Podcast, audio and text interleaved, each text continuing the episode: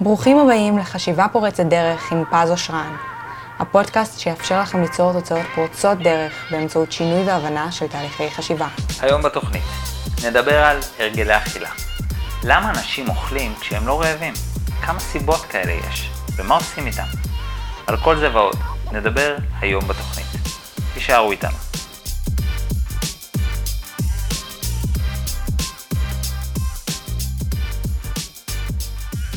היי hey, חברים, מה שלומכם? ברוכים הבאים לפודקאסט חשיבה פורצת דרך. אם יש כאן כאלה חדשים שלא מכירים אותי, אז ברוכים הבאים.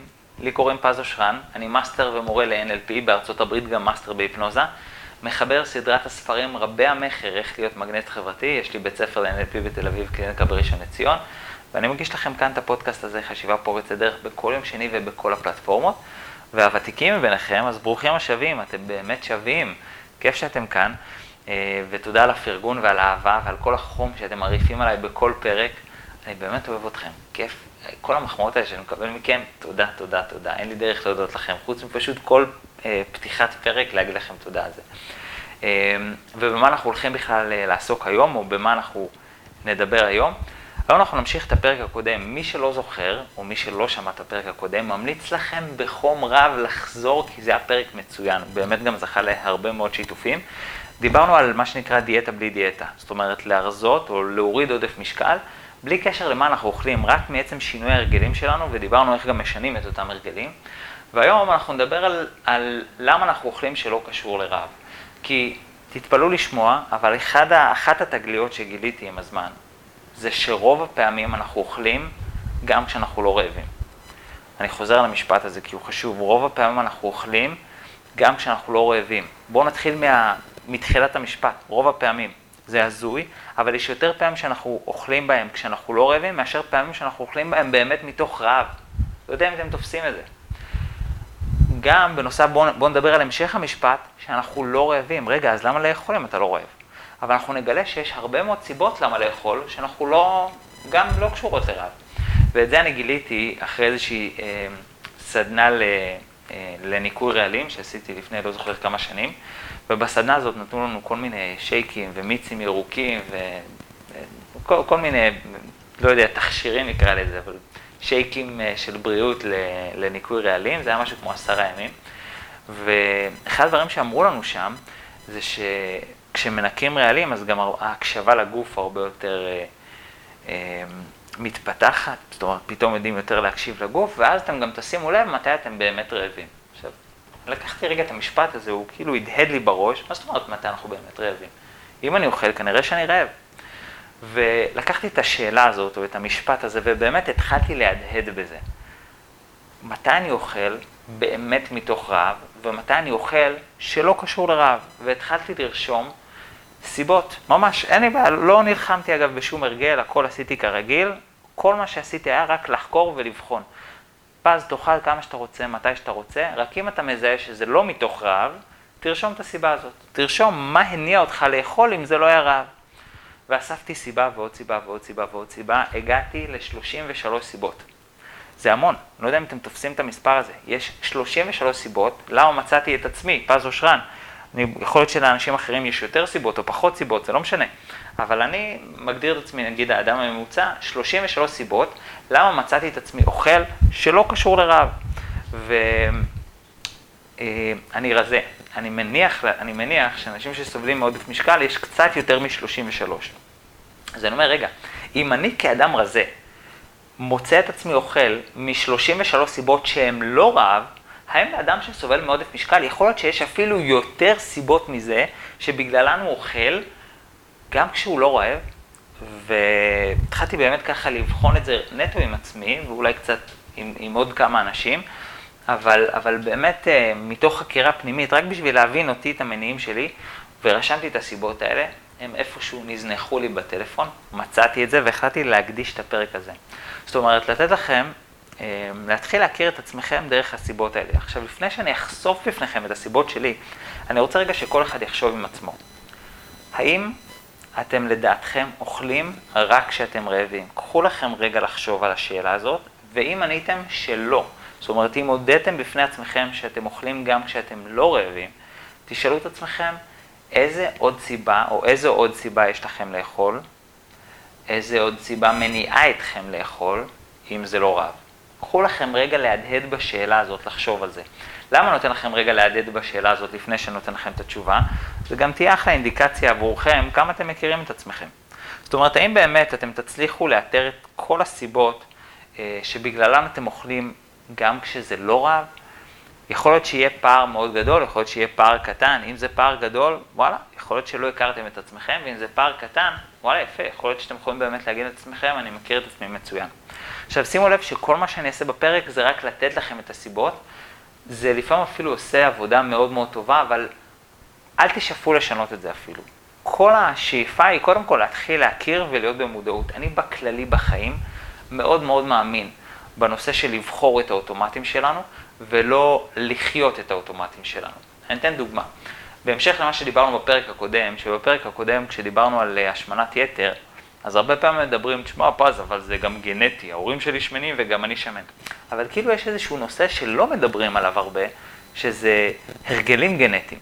תחשבו על זה, שאם לצורך העניין אימא עצובה ובדיכאון, ואז כתוצאה מזה היא הולכת למקרר, יכול להיות שאני כילד אספוג מזה גם איזשהו, איזושהי סיבה, שכשאני אהיה עצוב, זה כנראה דרך ההתמודדות שאני אכיר. אגב, יכול להיות שככה גם האמא תחנך את הילד. היא תראה את הילד עצוב, בוא תאכל משהו, זה יעשה לך טוב. ובעצם יש איזשהו משהו כזה שהוא כאילו הוא לא גנטי, אני לא בטוח שאפשר לראות את זה בגנטיקה, ב-DNA שלנו, אבל ללא ספק זה גם איזשהו מרכיב בהשפ... שמשפיע עלינו מבחינת מה שקיבלנו מההורים. ולכן כשאנשים אומרים לי, שמע פז, אתה רזה כי ההורים שלך רזים, או אני שמן כי ההורים שלי שמנים, אז באיזשהו מקום אני תוהה לעצמי, רגע, רגע, רגע, האם כשאתה אומר לי, אני שמן כי ההורים שלי שמנים, אתה לוקח בחשבון רק ה-DNA, זאת אומרת, זה לא קשור אליך, או שאתה אומר לי, תשמע, אני פשוט למדתי מהם איזה שהם הרגלים שיצרו לי עודף משקל. על מה אתה מדבר? רוב האנשים יעדיפו אגב לקחת דווקא את האפשרות הנוחה ביותר, זה לא אני, זה ה-DNA שלי. לא בזלזול חלילה, אבל זה באמת נוח יותר להאמין שזה לא קשור אליי, זה לא הרגלים שאני צריך לשנות, זה לא תפיסה אחרת בנוגע לאוכל, זה ה-DNA. זה איזשהו מרכיב גנטי שיש לי בתאים והוא משפיע עליי. אני לא אומר שאין לו השפעה חלילה, ברור שיש לו חשיבות והשפעה. מצד שני, אי אפשר לזרוק עליו את כל האשמה ואת כל ההשפעה, בטח לא אם לא אה, חקרתם, בדקתם, ניסיתם להבין את האוטומטים ואת היחס שלכם לאוכל.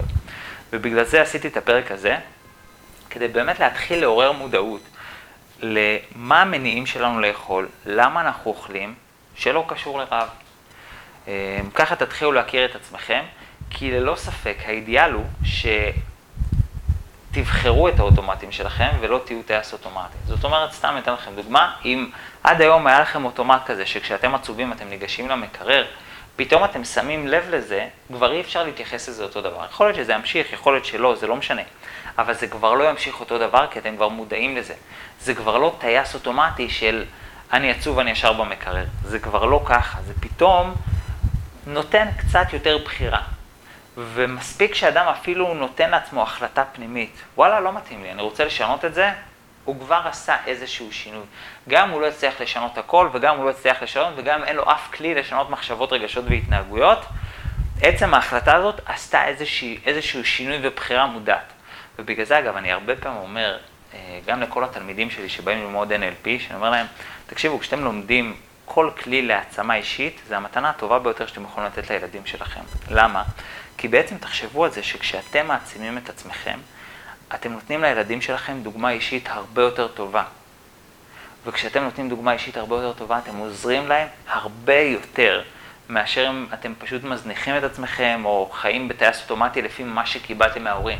תחשבו על זה, רוב האנשים קיבלו אוטומט מההורים, מעבירים אותו הלאה, מעבירים אותו הלאה, בלי שאנשים עוצרים רגע לבחון את האוטומטים ולהגיד כן, מתאים לי או לא מתאים לי. זאת אומרת, תעצור, תבחן האם זה מתאים לך או לא מתאים לך, כי אם זה לא מתאים לך, בוא תגדיר את זה מחדש, בוא תיצור את זה מחדש, וזו המתנה הטובה ביותר שאתה יכול לתת לילדים שלך.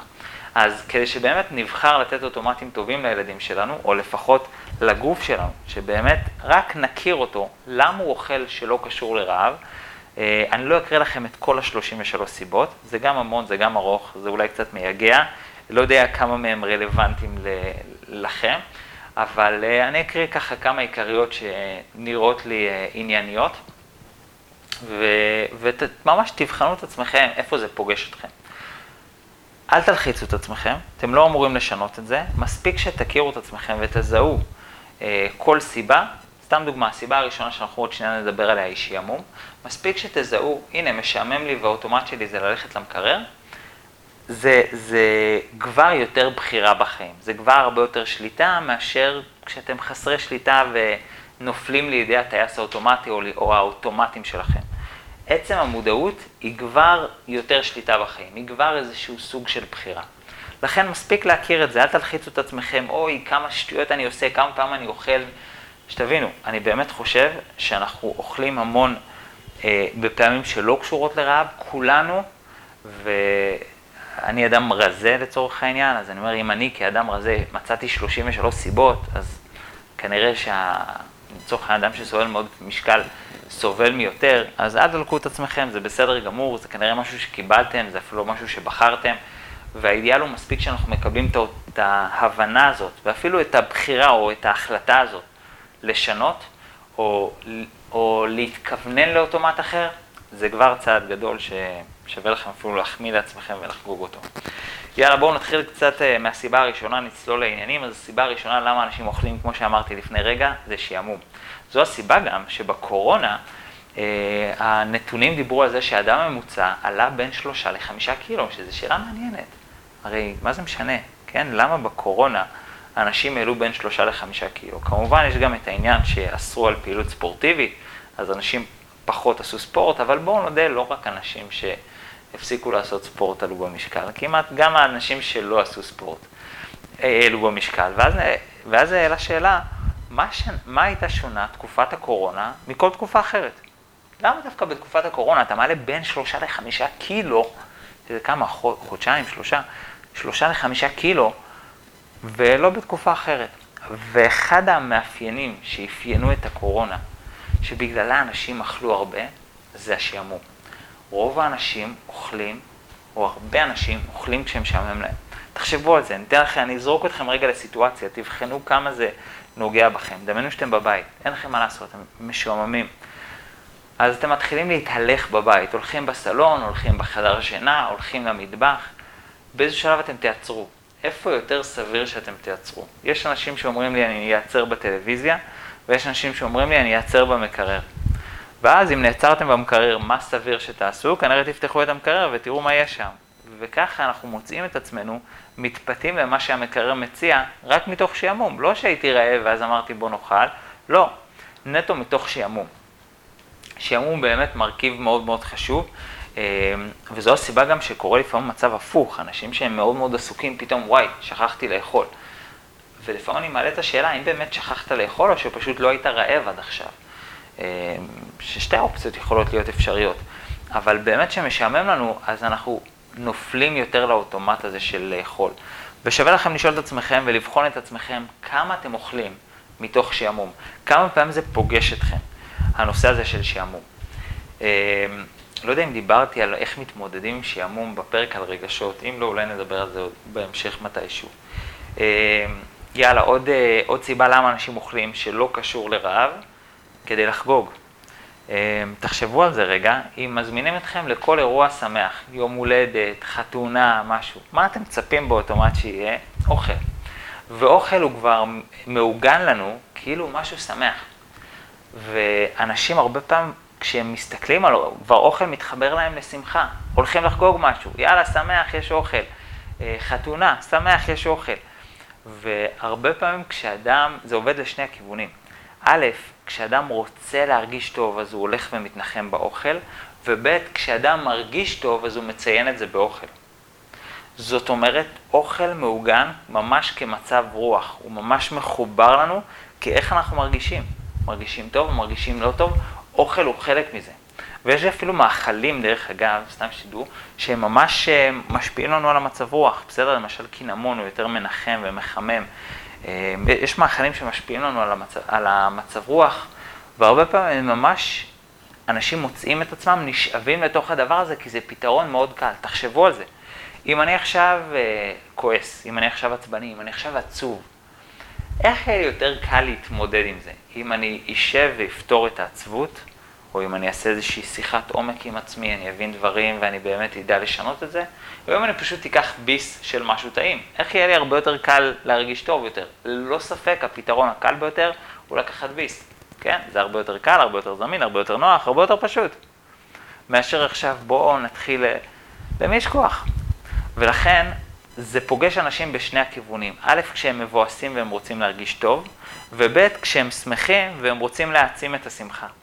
אוכל מחובר לאנשים למצב רוח. באמת שאלו את עצמכם, כמה פעמים אתם אוכלים מתוך מצב רוח?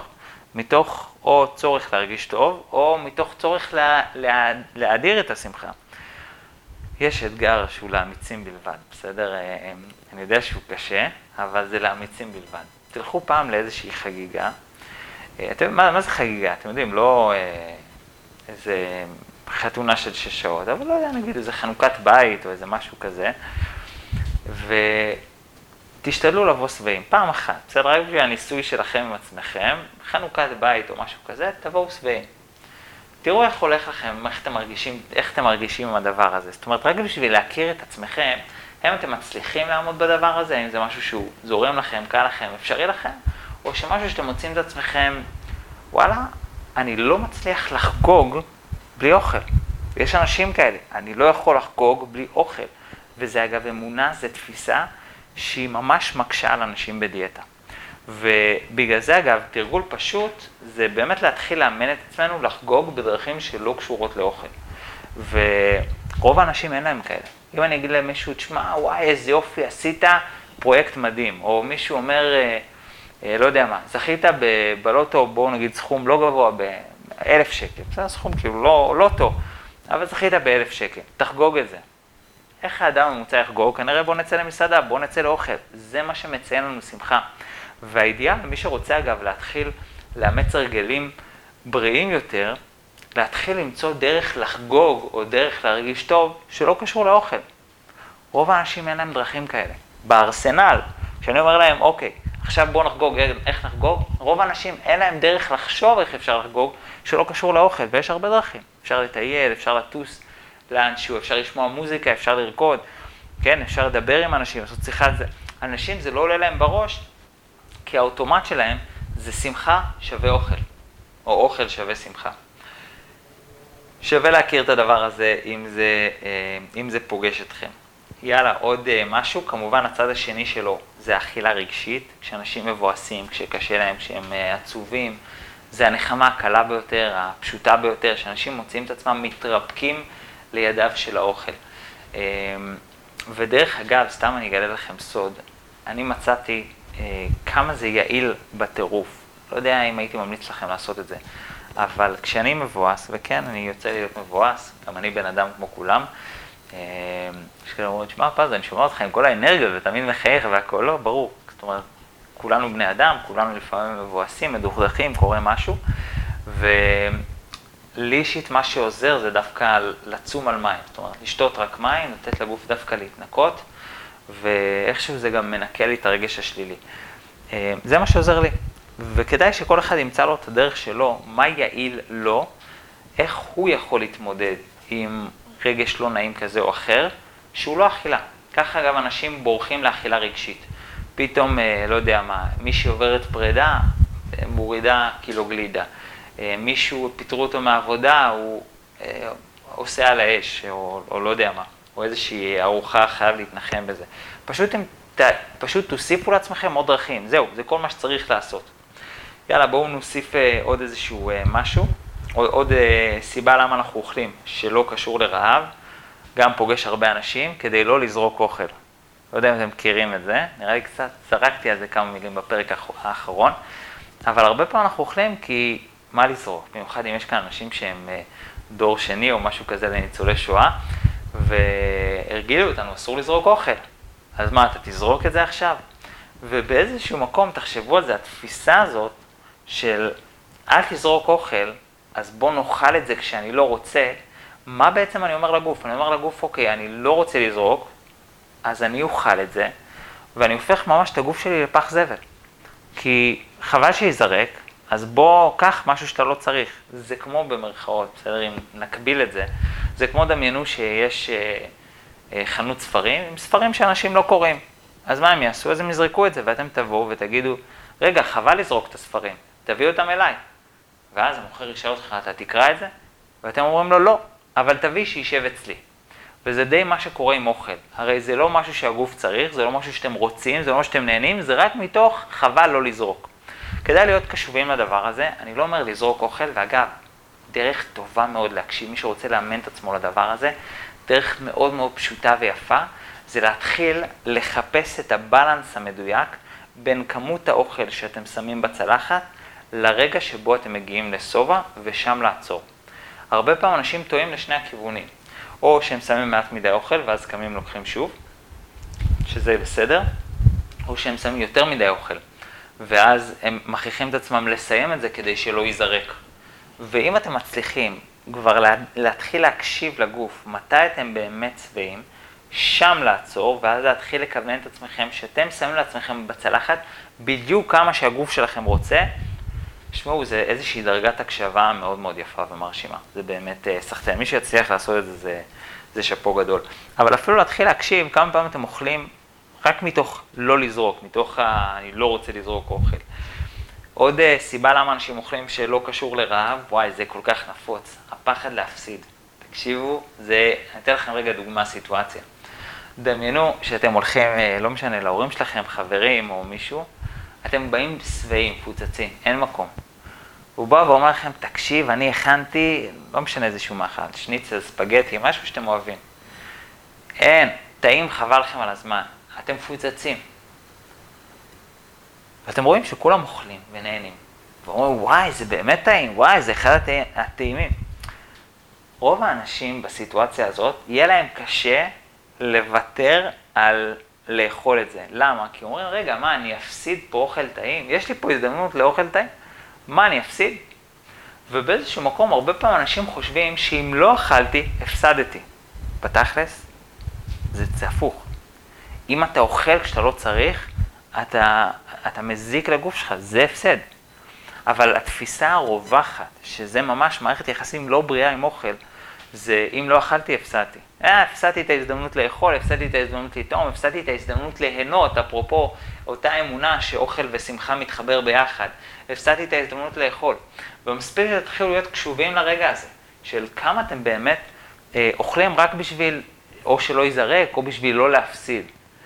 אתן לכם דוגמה נוספת, יותר נפוצה. אה, אתם הולכים לחתונה.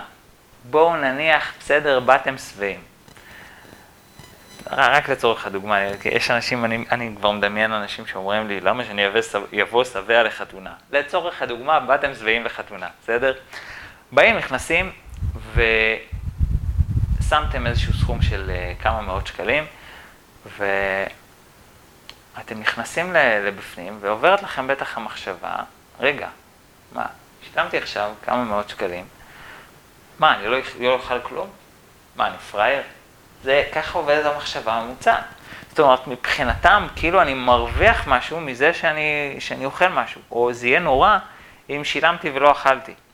ובאיזשהו מקום, תחשבו על זה, כל השיקולים האלה מנהלים לנו את צורת האוכל ומנתחים אותנו מהיכולת להקשיב לסימפטום או לרגש הכי בסיסי שלנו, רעב. תחשבו על זה, כמה הדברים האלה מנהלים אותנו, רק כדי שלא ייזרק, רק אם משעמם לי, רק... עד שאנחנו כבר לא יודעים להקשיב למתי אנחנו רעבים. באמת, אני חושב שאם יש מישהו שרוצה לרדת במשקל, הדרך האידיאלית והפשוטה ביותר זה להתחיל לאכול רק כשאתה רעב. תאכל כמה שאתה רוצה, כמה הגוף רוצה. הגוף אומר לך לאכול יותר, תאכל יותר. הגוף אומר לך די, אז די. פשוט תקשיב לגוף, תן לגוף לאכול כמה שהוא רוצה, מן הסתם לא ג'אנק ודברים כאלה כי הם ממכרים, דיברנו בפעם הקודמת, אבל תן לגוף לאכול כמה שהוא רוצה, כל עוד אתה יודע שזה באמת מתוך רעב. אם אדם אוכל מתוך רעב, וואלה, זה סביר לי מאוד שהוא ירד במשקל בצורה מאוד משמעותית. לכן, תחשבו על זה כמה אנשים אוכלים, האם זה פוגש אתכם, שאתם אוכלים כדי לא להפסיד. לא להפסיד את ההזדמנות, לא להפסיד, שמתי כסף פה, לא להפסיד אה, דבר כזה או אחר וכן הלאה. יאללה, עוד סיבה למה אנשים אה, אוכלים שלא קשור לרעב, כי זה מחבר בין אנשים. אני אתן לכם דוגמה, בסדר? אני אגב, היה לי פעם הרגל שהייתי עושה לי יום, יומיים בשבוע צום. הייתי פשוט עושה לי צום, זה מאוד uh, בריא, לפעמים זה צום יבש, זאת אומרת גם בלי מים, לפעמים זה עם מים. Uh, מאוד מאוד טוב, אני בכללים מאוד אוהב צומות, יש לי איזשהו תחביב מוזר כזה של לצום. אבל זה באמת נותן לנו להקשיב פתאום לגוף באיזו צורה מאוד יפה. אל תעשו את זה אגב בלי, בלי באמת להתייעץ עם רופא. בכל מקרה, אז uh, אני זוכר את עצמי בתקופה בכנסת, הייתי כותב נאומים בכנסת ועבדתי עם איזושהי חברת כנסת מאוד מאוד מוכשרת, עליזה לביא, וכשהייתי בישיבות, בדיונים, אז אין מה לעשות, לפעמים באמת חברי כנסת עובדים מסביב לשעון, ומדיונים ומפה ומשם, והצבעה וישר ככה והכל.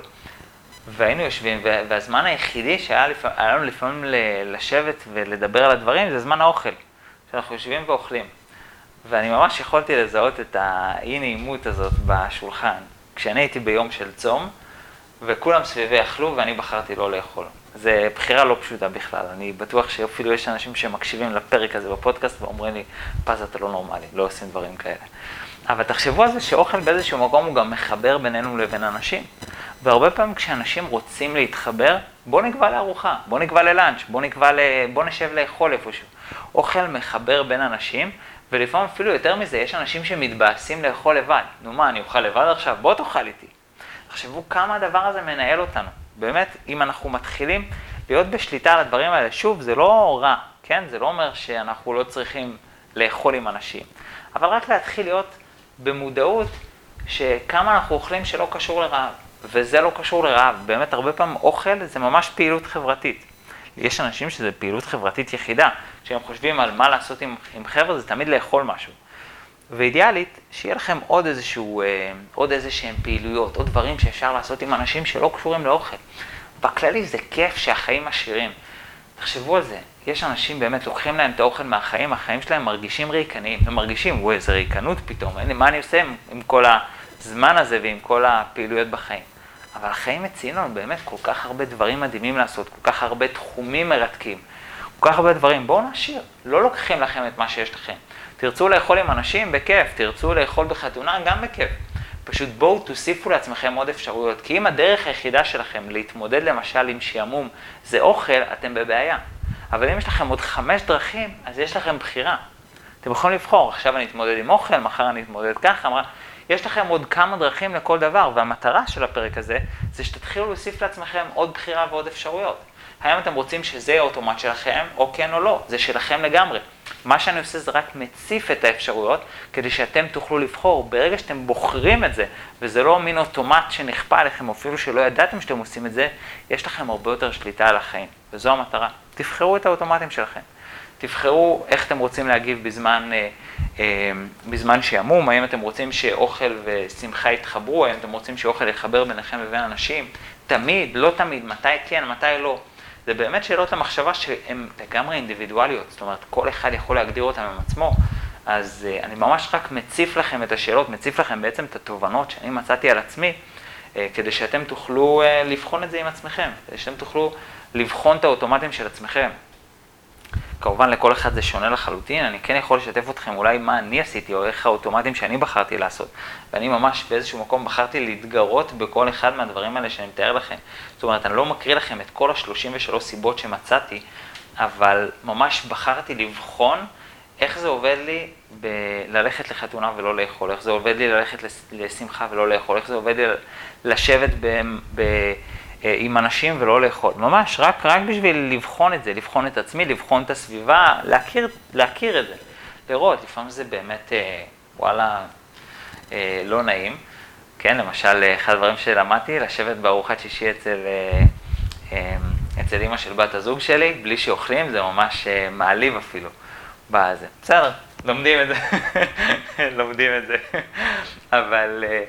אבל באיזשהו מקום ממש נתתי לעצמי, אפשרתי לעצמי, בו תקופה של איזה חודש, חודשיים, לא זוכר כמה זמן עשיתי את זה, שאני באמת מתנסה בכל האפשרויות האלה. אני לא בהכרח אומר שאתם צריכים להתנסות ולעשות את כל הדברים האלה, אבל רק להתחיל לבחור את האוטומטים שלכם, ובאמת להגדיר אותם לעצמכם. זאת אומרת, רק, רק לבחון איך אתם רוצים להגיב אל מול הדברים האלה, אה, מול כל אחד מהם. יאללה, עוד אחד. עוד דבר, הרבה פעמים הרגילו אותנו, וזה אני רואה אה, הורים שמרגילים את הילדים שלנו.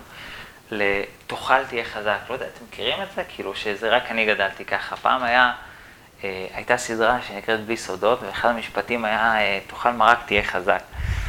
והמשפט הזה איכשהו הפך אצלנו במשפחה לתאכל כדי שתתחזק, תאכל כדי שתתחזק. לא יודע אם זה רק אצלנו במשפחה או שזה עוד משפחות, אבל, אבל המשפט הזה באמת תפס ל... אתה צריך לאכול כדי להתחזק, למרות שאגב אין באמת קשר בין השניים. זאת אומרת, אדם יכול לאכול הרבה ולהיות חלש, אדם יכול לאכול קצת ולהיות, מה זה קצת? לא להרעיב את עצמו, אבל לא להציף את עצמו באוכל. זאת אומרת, אין קשר בין כמה אוכל אתה אוכל לכמה חזק אתה, אין באמת קשר. ולפעמים אגב זה אפילו בעייתי. דיברנו על זה בפעם שעברה, שכשאנשים חולים אז הם נותנים לעצמם לאכול מה שלא נכון לעשות, דווקא אם אתה לא מרגיש טוב, תן לגוף לטפל בעצמו, אל תיתן לו לפרק אוכל. זה רק מחליש אותו. לפעמים אפילו אוכל עשוי להחליש, ובאיזשהו מקום תחשבו על זה, שיש לנו הרבה יותר כוח דווקא כשאנחנו לא אוכלים. אתן לכם דוגמה, אתם בטח מכירים את זה, מי מכם שצם בכיפור או איזשהו יום של צום, מכירים את זה שאתם צמים בכיפור, לא אוכלים, ודווקא ביום הזה שאתם אומרים לעצמכם, וואלה, אני אשן הרבה, אתם פתאום מוצאים את עצמכם קמים מוקדם? מה, לא, לא, אני קם יותר מוקדם מיום חול, מה קרה? מה, מה באמת קרה? תשובה פשוטה לחלוטין. הגוף חסך הרבה מאוד אנרגיה בלפרק אוכל, ואז יש לו הרבה יותר כוח, אז אתם יכולים לקום. לכן הקשר הזה בין תאכל ותתחזק לא קשור למציאות, אפילו באיזשהו מקום מנותק. ותחשבו על זה, לפעמים אדם מרגיש חלש גם בצורה אה, אה, מנטלית. זאת אומרת, פתאום העליבו אותו, הוא מרגיש קטן, הוא מרגיש חלש. בצורה לא מודעת, שהוא למד מהילדות או מפה או משם, הוא אומר, וואי, אני רוצה להתחזק, בואו נלך לאכול. תכירו את עצמכם, האם זה פוגש אתכם? אם כן, האם אתם רוצים לבחון את זה מחדש? האם אתם רוצים ליצור משהו חדש? באמת, קחו כל אחד את האוטומטים האלה לחיים, של, לחיים שלו. ניתן לכם אחד אחרון, יש פה 33, אני לא אעבור על הכל, גם לא הכל רלוונטי אליכם. אה, יש כאן דברים באמת אה, גם באיזשהו מקום אישיים אליי. למרות שאם זה יעניין אתכם, תרשמו לי בתגובות ואולי נחשוב על אה, לפרסם לכם עוד כמה. אבל נראה לי שכרגע באמת יש לכם פה מספיק אוטומטים לבחון על עצמכ, עם עצמכם, ואני חושב שבאמת מספיק שתבחרו אפילו אוטומט אחד או סיבה אחת ותתחילו לבחון את עצמכם בו, תתחילו להכיר את עצמכם דרך זה, אה, או אפילו לבחור, לאכול כשאתם רעבים, או לבחור אה, את האוטומט הזה מחדש, זה לא ספק רווח מאוד מאוד חשוב. יאללה, עוד אחד אז אחרון, מאוד מאוד, אה, אה, מאוד משמעותי, זה גם ההתעסקות עם הגוף. רוב האנשים, הם, יש להם איזשהו דימוי גוף שונה מהם או גדול מדי. אני רזה מדי, אני שמן מדי, אני כזה או אני אחר. והרבה פעמים יש אנשים שמפחדים להיות רזים מדי אז הם אוכלים, ויש אנשים שמפחדים להיות שמנים מדי אז הם אוכלים. ובאיזשהו מקום, בשני המקרים האלה, אתה לא אוכל מתוך הקשבה לגוף, אתה אוכל מתוך המחשבה. או מתוך האידיאל כלשהו. ואין מה לעשות, זה יוצא הרבה פחות קשוב לגוף. ובאיזשהו מקום, כשאנחנו אוכלים מתוך ה... אני צריך להשמין, אני צריך לרזות, אני צריך להשמין, אני צריך לרזות, זה רק מכניס אותנו לתוך עוד מחשבות, עוד מחשבות שמתסכלות אותנו, שיכולות לקרות, לאחד, יכולות לקרות, ליצור מצב שהוא אחד מהשתיים. או שזה מוציא לנו את התיאבון, ואז אין לנו כוח לאכול, ואז אם אנחנו רזים זה מרזה יותר, או שזה דווקא הפוך, מבאס אותנו ואז אנחנו רוצים לברוח לאוכל. והרבה פעמים אנשים אוכלים רק מתוך ה... כמה הם חופרים לעצמם סביב אותה מחשבה של אתה רזה מדי ואתה שמן מדי. ותחשבו על זה רגע, איך היינו מתייחסים לאוכל? אם היינו בוחרים לאכול מתוך אהבה לעצמנו. לא כי אני צריך להיות מישהו או משהו. כמו שאני רואה את זה הרבה פעמים בזוגיות. אני, אני אוהב אותך אם, אני אוהב אותך אם תעשי ככה, אני אוהב אותך אם... וזה גרוע בזוגיות, יהיה לנו גם פרק על זוגיות ואולי נדבר על זה קצת, אבל, אבל אנחנו לא רוצים את המצב הזה של לאהוב את עצמנו עם, אלא תחשבו רגע, איך היינו מתייחסים לגוף שלנו. אם היינו באמת אוהבים אותו כמו שהוא, מקבלים אותו כמו שהוא, ונותנים לו באמת יחס אוהב וחם לגוף שלנו. איך היינו מתייחסים אליו, איזה אוכל היינו מכניסים אליו, כמה היינו אוכלים, מתי היינו אוכלים, והאם זה היה משנה את רמת ההקשבה שלנו לגוף. זה כנראה פרק עם יותר שאלות מאשר תשובות, שזה גם אחלה לפעמים נראה לי. אני אשמח אגב שתרשמו לי בתגובות, אני יודע שנגיד בספוטיפיי וכאלה אין מקום לרשום תגובות ולייקים, אבל ביוטיוב יש מקום, אז אני אשמח שתרשמו לי בתגובות אם אהבתם את הפרק הזה, ואם אתם רוצים אולי עוד כמה סיבות לדבר הזה, ואם אתם אוהבים פרק שנותן יותר שאלות מתשובות, לפעמים גם זה, אני אישית מאמין גם בזה, אבל אני אשמח לשמוע את דעתכם בנושא הזה. אם אהבתם את הפרק הזה, אז אני אשמח שתיתנו לו לייק ותשתפו אותו בכל דרך אפשרית. תודה רבה לכם שהאזנתם. מי מכם שרוצה לקחת שליטה על החיים שלו, באמת להגיע לרמות גבוהות לחלוטין, מוזמן לקורס NLP הכל כך מטורף שלנו, שלא דומה לשום דבר שקיים בארץ. הוא באמת לא דומה לשום דבר. הוא מדהים בכל קנה מידה, ואתם יכולים לשאול כל בוגר שעשה אצלנו. כל אחד, שימו פשוט את האצבע על איזשהו דף קשר, אוטומטית שרירותית לחלוטין, תרימו טלפון, ואין מצב שתקבלו תשובה שהיא פחות ממטורף, משנה חיים, מדהים, אתה חייב. אין מצב. אני אומר את זה באמת בביטחון בלי למצמץ, כי אני חושב שזה דבר שהוא מצד אחד כל כך basic, כל אחד צריך לעשות את זה, ומצד שני הוא וואו. הוא, היום אני חושב שרק באמת מי שהחיים שלו באמת חשובים לו, משתמש בכלים כאלה עוצמתיים. קיצור, ממליץ בחום. תודה רבה שהאזנתם לנו. אה, אנחנו נהיה כאן גם בשבוע הבא עם פרק חדש בנוגע לזוגיות, על איך להשיג זוגיות, יהיה פרק באמת מרתק. אם אהבתם, תשתפו את הפרק הזה בכל דרך אפשרית. תודה רבה לכם על החום והאהבה, ניפגש שבוע הבא, יום שני, בכל הפלטפורמות, חשיבה פורצת דרך, לי קוראים פז אושרן. אוהב אתכם חברים, ביי בינתיים. תודה רבה שהאזנתם לפודקאסט חשיבה פורצת דרך עם פז אושרן. ניפגש גם בשבוע הבא, ביום שני, בכל הפלטפורמות. בינתיים, אתם מוזמנים לשתף ולמצוא אותנו גם ביוטיוב או בפייסבוק. פשוט חפשו פז אושרן ותמצאו אותנו.